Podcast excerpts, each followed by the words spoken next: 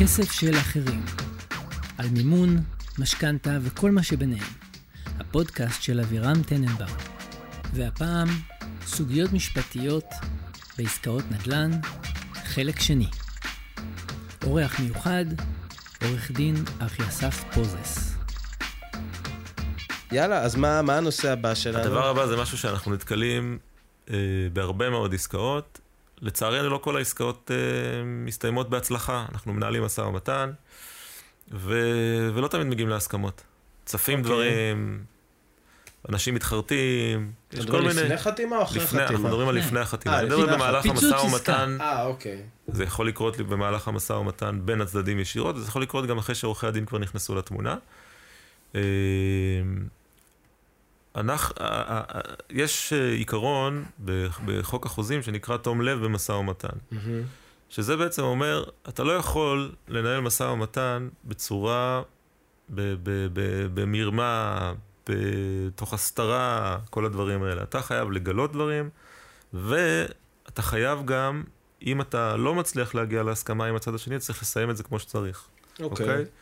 זה כמו, זה כמו בזוגיות, כמו בזוגיות, אוקיי? צריך- זוגיות צריך בתום לב. לדעת, אתה צריך לצאת מהמשא ומתן. בדיוק, אתה לא, אתה לא מסיים משא ומתן ב-SMS. אה, למרות שיש כמה אנשים שמסיימים את הזוגיות שלהם ב-SMS, אבל זה לפרק אחר. אז אה, מה, זה מה, מה זה רכישה אומר? אגב גירושין. משכנתה לזוגות שמתגרשים. אז, אז מה זה אומר? זה אומר שיש סיטואציות שבהן למשל אה, בן אדם אה, קונה, בא ועורך איזשהן בדיקות בסיסיות על העסקה, הולך לעורך דין, אומר לו מצאתי נכס, תתקדם. מתקדמים, מנהלים משא ומתן, מחליפים טיוטות, כמו שאמרנו, ועורכי הדין אפילו מגיעים לחוזה מוסכם. פתאום בא הקונה אומר, תקשיב, עשיתי איזו בדיקה נוספת מול הבנק, אה, אני לא מצליח לעבור את הבנק, אני יורד מזה. אה, הקונה עלול להיות בבעיה, תבינו. ב- ב- יש פסקי דין, בתי המשפט אומרים, יכול להיות מצב שבו אתה מנהל משא ומתן, עוד לא חתמת על החוזה, אבל בגלל שהיית כל כך קרוב לחתימה, אני מכיר בחוזה הזה כחוזה חתום, וואו. אוקיי? וזה וואו. בגלל ניהול משא ומתן וחוסר תום לב של הקונה. קונה, קונה שנסוג ברגע האחרון, אתה יכול לתת לנו דוגמה מה יגרום לחוזה שטרם נחתם אה, להיות מוכר כחוזה אז, תקף? אז העיק- העיקרון הוא כמה, כמה משא ומתן באמת יתגבש. היינו חמים לגמרי, הגענו להסכמה, עשינו הכל, אמרנו כן, כן, כן. אני יודע גם שבנדל"ן אה, אין חוזה שבעל פה. לא. דיברנו, דיברנו, דיברנו, הראינו כוונות מפה עד הודעה חדשה, אפילו הוצאנו כסף, זה עשה שמאות, זה עשה בדק בית, בסוף דקה 99 התפוצץ. הרבה פעמים לקוחות שואלים אותי, בעיקר מוכרים, באים ואומרים לי, קרוב מאוד לחתימה, ואומרים לי, תקשיב, אני רוצה, חושב לרדת מזה, מה אתה אומר? התשובה שלי היא אף פעם לא כן או לא. למה? כי זה עולם, זה אזורי דמדומים. אני צריך להסביר ללקוח שלי שאני לא, לא, לא תמיד יודע מה בית משפט יגיד בסוף, אוקיי? אבל אני כן יכול להגיד לו, תקשיב, סיימנו חוזה, הוא נקי, מה שנקרא במרכאות. כלומר, אין הערות. אין סולם לרדת מהעץ. הקונה, אני אתן לך עכשיו דוגמה למצב קיצוני. החוזה מוכן, תאריך חתימה כבר קבענו, מחר נגיד, הקונה כבר הוציא צ'ק בנקאי, יכול להיות מצב אפילו שהקונה כבר בא וחתם על חוזה אחר, וואו. כדי למכר כבר את הדירה שלו, כי הוא אמר, אני מחר חותם על החוזה הזה, כן. ואז המוכר בא ואומר לו, אני יורד מזה, ונניח שבוא ניקח את זה עוד יותר קיצון, המוכר אפילו אומר, תקשיב, אין לי סיבה, ככה לא בא לי. הייתי אומר למוכר בסיטואציה כזאת, אני, אם אני נכנס איתך עכשיו לבית משפט, אנחנו בסכנה איומה. כן, שבית. משפט יבוא ויגיד, "ה- החוזה הזה למעשה נחתם, ואז הוא בעצם כופה על המוכר לבצע את המכירה הזאת. וואלה. אוקיי? התום, הנושא הזה של תום לב במשא ומתן הוא מאוד מאוד חשוב, אה, על מנת שבאמת אנשים ינהלו משא ומתן בצורה כזאת, ש, שלא... אה, מותר לעשות תרגילים במשא ומתן, זה לא אסור, אבל צריך להיות הוגן. אז יש לי שאלה קונקרטית, שלא מזמן זה גם קרה פה ל... לחבר ב... במהלך של עסקת רכישה שהוא רצה לעשות. אם אני מק... מנהל משא ומתן מתקדם, כמו שתיארת, ברמה של מחיר, לוח תשלומים, הוצאתי כסף על שמאות מוקדמת, בדק בית, הכל, והמוכר אה, באופן חד צדדי ירד מהעסקה, הוא אומר לו, הרגשתי שאתה, לא יודע מה, שאתה מאורהר ולא סגור על עצמך, וכבר סגרתי עם מישהו אחר. מותר לו לפלרטט עם כמה אנשים בו זמנית? זוכר שאמרתי לך, אני אף פעם לא אומר כן או לא? אז זה מהמקרים האלה? אנחנו באזור דמדומים. אם, עוד פעם, אה, אה, אה, שופט נתון יכול להגיד לך, תקשיב, אמרת לקונה שאתה מנהל משא ומתן רק איתו? לא יודע אם זה נאמר. אולי לא, אולי. אולי אם, אם אמרת את זה, או שהקונה הבהיר למשל שאני מעוניין לנהל משא ומתן בלעדי, לא מוכן עכשיו לנהל משאים ומתנים מקבילים. והקונה כבר עשה א', ב' וג', ובדק והוציא כסף וזה וזה, כמו שתיארנו מקודם, הוציא צ'ק בנקאי כבר כזה. ככל שיש יותר נזק אצל, ה, אצל הצד השני, אוקיי? וככל שהצד ש, ש, שביטל למשל את העסקה היה יותר אה, לא הוגן, אז הסיכון שה, שבית משפט יגיד שזה חוסר תום לב במשא ומתן ויגיד שהעסקה צריכה להיחתם הוא גדול יותר, אוקיי? אי, אני לא יכול להגיד לך, אין דבר כזה, אין עורך דין שמסוגל להגיד, תקשיב, זה ודאי. כן. אין, כן, כי זה לא- תחום אפור. בסוף זה בדיוק. שופט שמחליט, זה לא בדיוק, מתמטיקה. בדיוק. כן. אבל אוקיי. בכללי, אם אני מוכר עכשיו דירה, ואני בקו הגמר לגבי אה, חוזה, ופתאום אני מקבל הצעה של 100 אלף שקל יותר, זה לא עילה מספיקה בשביל לפוצץ את המשא ומתן. אה, הייתי אומר ללקוח שזה, בוא נאמר, אם היית לקוח שלי, המוכר והיית לקוח שלי, הייתי אומר כן. לך שהייתי, שזה סיכון מאוד זה גדול. סיכון. סיכון מאוד גדול. כמו שאתם מבינים, אתם שומעים את המונחים שאני משתמש בהם? שומעים הכל. בגלל שזה לא, עוד פעם, אזור דמדומים, אני לא יכול להגיד לך, תשמע. זה, זה אסור. כן. זה סיכון גדול, זה, זה המצב. כן. אז אם אנחנו כבר אה, נגענו בנושא של תום לב, מה שמתקשר לעסקאות, שכן נסגרות, לא נסגרות, אני חושב שאולי מעבר טבעי זה נושא של אה, ביטול עסקה. כן, בהחלט. לא, לא, לא בכדי, הדבר הראשון שחשבנו עליו בנושא של תום לב במשא ומתן, זה לבטל את העסקה לפני החתימה שלה. ה- הביטול עסקה מהסוג השני זה אחרי שהיא נחתמה. כן. יכול להיות מצב שבו אה, חוזה נחתם, הכל בסדר, מתחילים, תשלום ראשון להתקבל, ועוד פעם, המקרה אולי הכי רווח, לא שזה רווח, אבל אה, הקונה לא מצליח לגייס את המשכנתה עכשיו. והוא אה, בא למוכר, הוא אומר לו, תשמע, אני נאלץ לבטל. אתה יודע איפה זה קורה הרבה? בעסקאות מקבלן. שיש נגיד שלוש שנים עד נכון. הקונים ב-2080 או משהו. ישראלים אמרנו? חותמים חוזה, שמים את ה-20 אחוז, אומרים, יגיע, נגיע לגשר, נחצה אותו, וכשמגיעים לגשר, אז קצת קשה לחצות אותו, ו... כן. ושם גם יותר קשה למכור, אגב, בגלל שיש עניין של אה, הסבת ערבויות, כל מיני כאלה, אבל לא ניכנס לזה יש הסבת. ערבויות, אבל יש גם סוגיה נוספת שהיא מאוד חשובה, אגב, בהקשר הזה דיברנו על מס שבח. אה, ב- אה, זה- אה, זה אם מעניין, קנית כי- דירה, אם קנית דירה מקבלן, ומח- עדיין לא דירה. והיא דירה, אתה רוצה להגדיר אותה כדירה יחידה מבחינתך, ואתה, ואתה, היא לא, הבנייה שלה לא הסתיימה, ועכשיו אתה נאלץ למכור אותה למישהו, כן? כדי לצאת מהסיפור, כן. היא לא דירה. אין לך פטור. אתה תשלם עכשיו מס על הרווח ש- שעשית. וואו. וואלה. כן. זה חשוב. כי בעצם זה אירוע רווח, זה אירוע מס, שהוא בכלל לא קשור לעולם הנדל"ן. הוא אירוע מס שקשור לעולם הנדל"ן, אבל לא לדירות מגורים. לא לדירות למגרש, מגורים. כאילו לא- קנית היא לא- חלק ממגרש. כאילו קנית מגרש ואתה ומכרת אותו. חשוף לתביעות מהקבלן, שבא ואומר, לי היה לוח תשלומים, חד משמעית, ובניתי זה- את זה, אני- ולא אתה מחזיר שילמת. אתה מחזיר אותנו לתלם, כל הכבוד. לא רק בשביל הקפה אתם באים אליי, הקפה היה מעולה היום. הביטול. הביטול של העסקה יכול לקרות בסיטואציה שזה מוצדק, זה יכול להיות בסיטואציה שזה לא מוצדק. מתי זה לא מוצדק? לא מוצדק זה נקרא הפרת חוזה. לבטל, לבטל חוזה כשזה אין הצדקה זה נקרא הפרת חוזה. אה, מתי יכול להיות למשל סיטואציה שבה זה מוצדק? חתמנו על החוזה, הכל בסדר. אה, זוכרים שנתנו את הדוגמה שבמהלך נטילת המשכנתה הבנק שולח שמאי, שמאי אה, עושה את השמאות, מתגלה חריגת בנייה שהמוכר לא הצהיר עליה. וואלה, כן. זה עילה לביטול. לדוגמה, ונניח שהקונה, אני מייפה פה את הסיטואציה, הקונה הלך, בדק, עשה, עשה הכל, לא, לא גילו את זה. מהמם. בא הקונה, אומר, שמע, זה משנה לחלוטין את העסקה, אני לא מוכן. אה, אני רוצה לבטל, אז זה, באמיר, עוד פעם, כאמירה כללית, לפני כן. שזה נבחן, לפני שבחנו את העובדות, זה עסקה ש... זו ביטול עסקה שהוא מוצדק. כן. אז זה, לפי חוק החוזים, זה נקרא ביטול.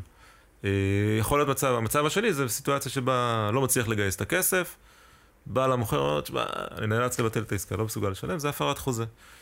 חשוב לדעת, בהרבה מאוד חוזים, כמעט בכל חוזה המכירה של אה, מקרקעין, יש אה, פיצוי מוסכם. נהוג לעשות אה, פיצוי מוסכם, כן.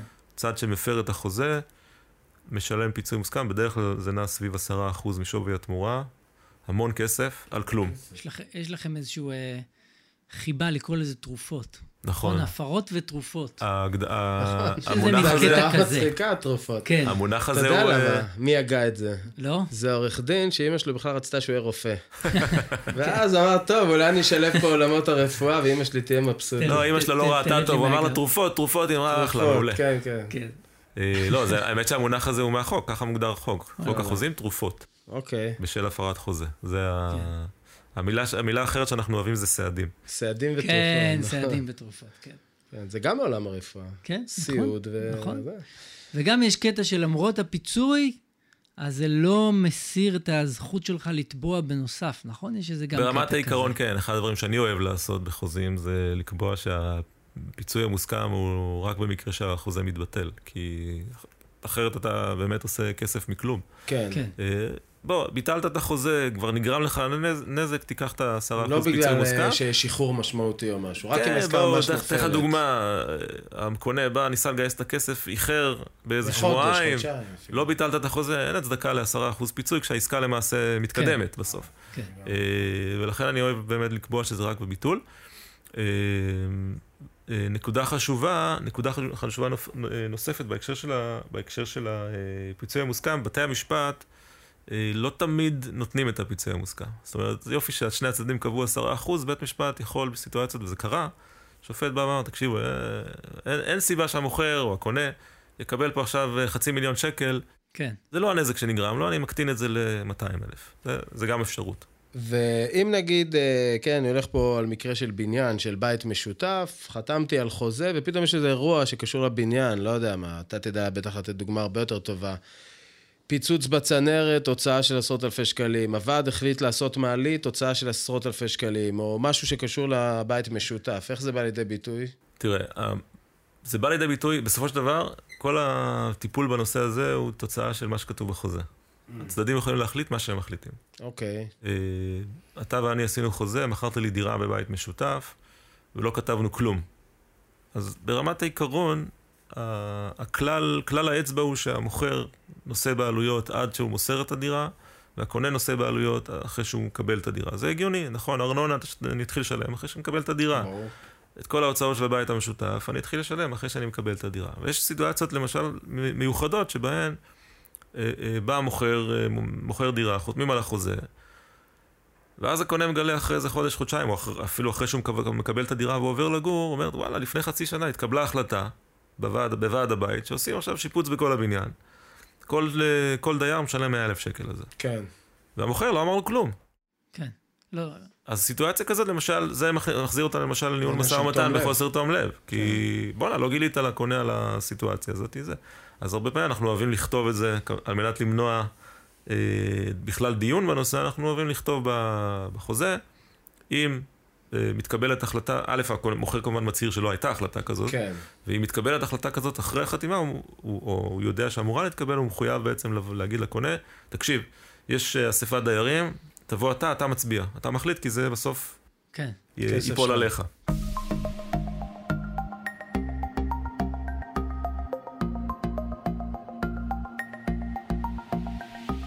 נושא נוסף שהוא סופר אה, שכיח, ונתקלי בו באמת בהמון המון אה, עסקאות, בעיקר של צמודי קרקע, אבל כנראה שלא רק, זה נושא של זכויות בנייה. הייתי שמח קצת אה, שתרחיב על העניין הזה. אז בוא נסביר קודם כל מה זה זכויות בנייה. יאללה. זכויות בנייה, אה, אנחנו באים לבדוק את הנכס שאנחנו קונים, ואנחנו רואים את החלק שבנוי, מן הסתם. אנחנו רואים קרקע ואנחנו רואים מה שבנוי עליה. מעל הבנוי הזה, זה רק עורכי דין מזהים ורואים, וגם שמאים. יש אה, כוח כזה קוסמי של, של זכויות בנייה. אה, אה, מה זה בעצם? דיברנו בפרק הקודם על תוכניות בנייה, על מה שנקרא תב"ע. נכון. התב"ע היא בעצם זאת שקובעת כמה, כמה אפשר לבנות על קרקע מסוימת. היא מגדירה את הגבולות גזרה. בדיוק. היא קובעת עד איזה גובה, כמה מטר אפשר לבנות, מה, מה המרווחים שמותר לך להשאיר בבניין לבניין וכולי, וגם כמובן לאיזה מטרה, מגורים, משרדים וכולי וכולי. היא קובעת את ה... זה. ואז, ואז באים ומוציאים היתר על פי התב"ע, אה, ואם למשל באים ובונים בניין, התב"ע מאפשרת למשל לבנות אלף מטר בניין, ומוציאים היתר, בונים רק 500. אוקיי. נותרו בבנ... מעל הבניין הזה, או מסביבו, נותרו זכויות בנייה בלתי מנוצלות, אוקיי? למה זה חשוב לנו בהיבט של למשל אה, רכישה של דירה או מכירה של דירה? זה משפיע, א', כמובן על השווי. ברור. בא המוכר, אומר, יש לי דירה של 100 מטר, אה, אני רוצה למכור אותה לפי המחיר למטר כפול מטראז' שיש לי, נכון? נכון. לא. אתה מוכר אותה במחיר של המטראז' למטר הבנוי, אבל יש גם שווי לזכויות הבנייה. כמובן פחות מהבנוי, כי צריך לבנות. עוד לבנות אותן, אבל יש להם שווי, והוא לא, והרבה פעמים הוא לא מועט. אה, זה היבט אחד למשל שהוא משפיע על העסקה. היבט נוסף זה כל הנושא של המיסוי. אתם זוכרים שדיברנו על, בפרק הקודם על הנושא של הפטורים? פטורים אה, כן. ממס שבח חד למשל? משמעית. זה פחות רלוונטי למס רכישה זה אגב, החלק שאני הכי אוהב בפרקים, הפטורים. כמו כל אזרחי ישראל. ברור. אז, אה, אז אה, אה, אה, כשיש נכס, רוצים למכור אותו כדירה יחידה, אז אומרים, טוב, אז אנחנו זכאים לפטור. אתם זוכרים שאמרנו עד 4.5 מיליון שקל, יש פטור מלא. כן. אז נניח שאני עושה עסקה ב-4 מיליון שקל, אני אומר, הכל טוב. יש לי פטור מלא, אני יודע שבתקציב הכל סבבה. בסוף מסתבר מה? מעל הנכס הזה יש, אה, מעל ה-100 מטר, אמרנו, יש עוד 100 מטר זכויות בנייה. ואז תבוא רשות המיסים ותגיד, סליחה, העסקה הזאת היא לא מכירה של בית ב-4 מיליון, אלא היא מכירה של בית ב-2 מיליון, סתם לדוגמה, וזכויות בנייה בעוד 2 מיליון.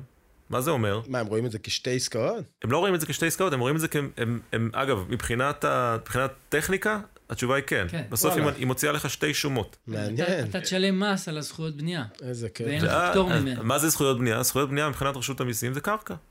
על זה אין פטור. כן. זה קורה הרבה כשקונים אה, בית סבתא ישן באיזה מגרש של דונם, ואתה אומר, מה, אני קונה בית של 70 מטר. בסוף פתאום אתה רואה שיש שם זכויות בנייה שאתה משלם עליהן הרבה מאוד. אני נתקלתי במשהו דומה, לדעתי הוא קצת שונה, אבל אולי זה דווקא ייתן פתח להרחיב. בתל אביב, אה, באיזשהו שלב עשו הקלה ביכולת אה, להגדיל, לה- להגדיל כלפי מעלה בבניינים. אני זוכר שנתקלתי בזה בעיקר בבבלי. ואז מי שמוכר שם חשוף להיטלי השבחה גדולים בגלל הפוטנציאל להוסיף כן. דירות על הגג. וגילמו את זה, ואז כשאתה מוכר בעצם אתה חשוף להיטלי השבחה משמעותיים. אתה מדבר עכשיו על אה, נושא אחר של היטלי השבחה. נכון. אבל אה, כן, זכויות בנייה מן הסתם, אה, נעבור אולי ל, ל, להסביר מה זה בעצם היטל השבחה ולמה זה נגזר, למה זה... זה לא קשור לזכויות בנייה? זה קשור ב, אה. במישרין לזכויות בנייה, כן. לזה אתה פגעת בול, הכל בסדר. זה, זה הגוף, חששתי לרגע. זה הגוף השני שמתערב בחיינו. בנוסף למדינת ישראל, יש את המועצה המקומית. בדיוק. אז, אה, אז אמרנו שיש, נניח ועדה מקומית, ועדה, בדרך כלל זו ועדה מחוזית, מעבירה תב"ע. בבית החמוד שלנו, שהיה, אפשר היה לבנות 100 מטר, עכשיו יש תב"ע שאומרת, אתה יכול לבנות עוד 100 מטר. מהמם. ואומר לך, זה לא בא בחינם, בסדר? אתה הרווחת עכשיו הרבה כסף, מזה שאפשר לבנות עוד 100 מטר, אתם זוכרים שאמרנו שזכויות בנייה שוות כסף. שוות.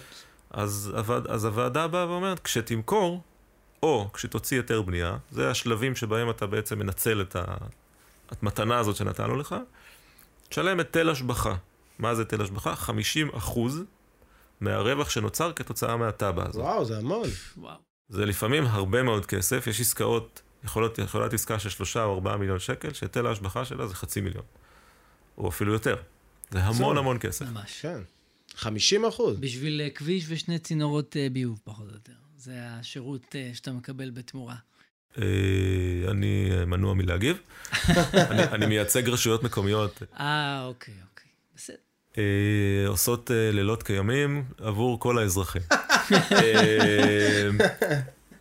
עכשיו, למה זה, למה זה אולטרה חשוב? הרבה פעמים דיברנו, כמו שאמרנו, שיש לפעמים את ההפתעה הזאת של זכויות בנייה בקשר למס שבח, אז אותה הפתעה באה לגבי, בהקשר של היטל השבחה. כן. בא בן אדם אומר, יאללה, אני מוכר בית ב-4 מיליון שקל, אז, אה, ואני יודע שזו דירה יחידה שלי, אז אה, זה הכל תפאדל, כל ה-4 מיליון זה עסקת נטו. לא, זה שהדוגמה הגנרית שלו זה תמיד 4 מיליון, זה אשכרה כאילו בגלל שהמשרד שלך בתל זה אביב. מראה לך באיזה סביבה הוא חי. כן. לא, זה כאילו ה- הדוגמה האמת הגנרית לא. לעסקה זה לא, 4 האמת, מיליון. אתה, אתה מחייב אותי לתת הסבר למה אני אוקיי. כזה, כי זה לא משם. זה בא מזה שלרוב, אה, כל הנושא של זכויות בנייה והיטל השבחה מגיע בצמודי קרקע.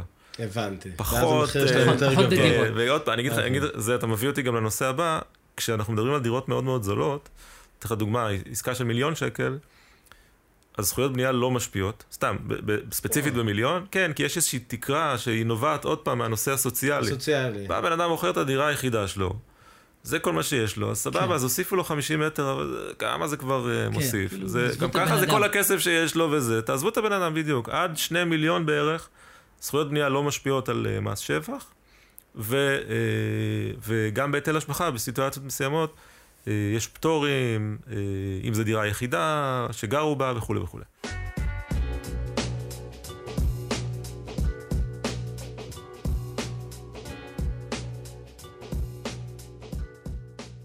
טוב, האמת, אני מרגיש שלמדנו מלא היום, מה אתה אומר? הרבה מאוד, מלא. באמת. חצי ו- תואר ראשון. חצי, חצי תואר ראשון, ועכשיו אנחנו נמשיך ללמוד בעצם. אל תשכח שיש לנו גם קונקשן ברשויות, חשוב מאוד, זה מדהים, שעובדות לילות כימים. בדיוק. כן, אז עכשיו אנחנו עוברים למושג היום. מושג היום. כן. אז מושג היום שלנו הוא ייפוי כוח. ייפוי כוח זה בדרך כלל מסמך, אה, שבו בן אדם נותן למישהו זכות, או אה, לא זכות, נקרא לזה סמכות, לפעול עבורו. מתי זה בדרך כלל ניתקל בזה? בעסקאות. אה, בן אדם נותן ייפוי כוח למישהו על מנת שימכור עבורו את הדירה. הוא מיופה כוח, זה מותר, מותר לעשות את זה, מותר למנות בן אדם. אה, ומה שחשוב זה כמובן ל- ל- ל- לוודא שמיופה הכוח הוא אה, אמיתי, שייפוי הכוח נראה תקין וכולי וכולי. מה המשמעות של ייפוי כוח ב- בעסקה? אתם זוכרים שדיברנו על המסמכים שהקונה צריך לקבל על מנת להעביר את הבעלות על שמו? כן. אז לנו, עורכי הדין, חשוב מאוד שבתוך המסמכים האלה יהיה מסמך שברמת העיקרון אין חובה, אין צורך בו לצורך העברת הבעלות, אבל אנחנו מאוד מאוד רוצים אותו, וזה ייפוי כוח בלתי חוזר. זה ייפוי כוח של, של המוכר, בדרך כלל לעורכי הדין של הקונה, שמאפשר להם לבצע הרבה מאוד פעולות אה, על מנת להעביר את הבעלות על שם הקונה. מה זה אומר בלתי חוזר, ולמה זה חשוב? בלתי חוזר זה לא רק שהוא לא ניתן לביטול, כמו שזה נשמע מהשם, כן. אלא שהוא גם, אה, אה, אה, נקרא לזה כמעט נצחי.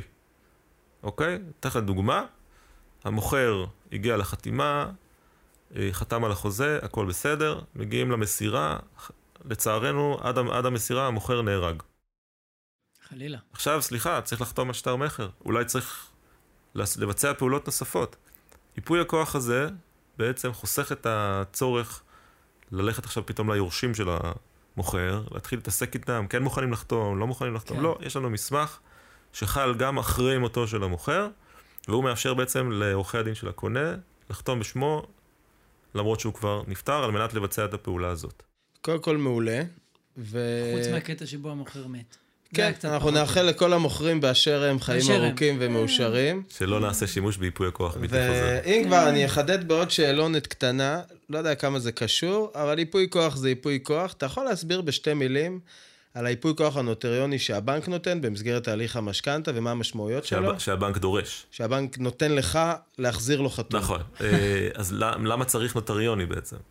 אה, ומה המהות של המסמך? המהות של, תראה, ברמת העיקרון זה אותו עיקרון, אתה נותן ייפוי כוח לבנק, מי שלוקח משכנתה, הרי מה זה משכנתה בסופו של דבר? אתה הופך את הבנק לסוג של שותף שלך בנכס, כן.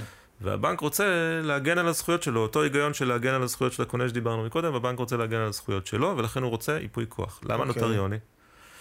כי רק ייפוי כוח נוטריוני יכול להיות לטובת גורם שהוא לא עורך דין. Mm. אם רוצים לתת ייפוי כוח לטובת עורך דין, הוא יכול להיות רגיל על נייר.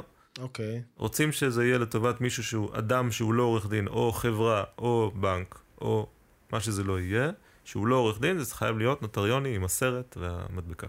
הבנתי. אוקיי, הנה. יפה. תשמע, זה היה מאלף. ממש תודה. אני נהניתי רבה. מכל רגע. תודה ענקית שהגעת ולד- מתל אביב עד לדעתי אנחנו. נצטרך לשחזר את זה ביום מן הימים. אני גם חושב. כן. בשמחה רבה. יאללה, אז נתראה בפרק הבא, אה? ביי ביי. ביי, להתראות.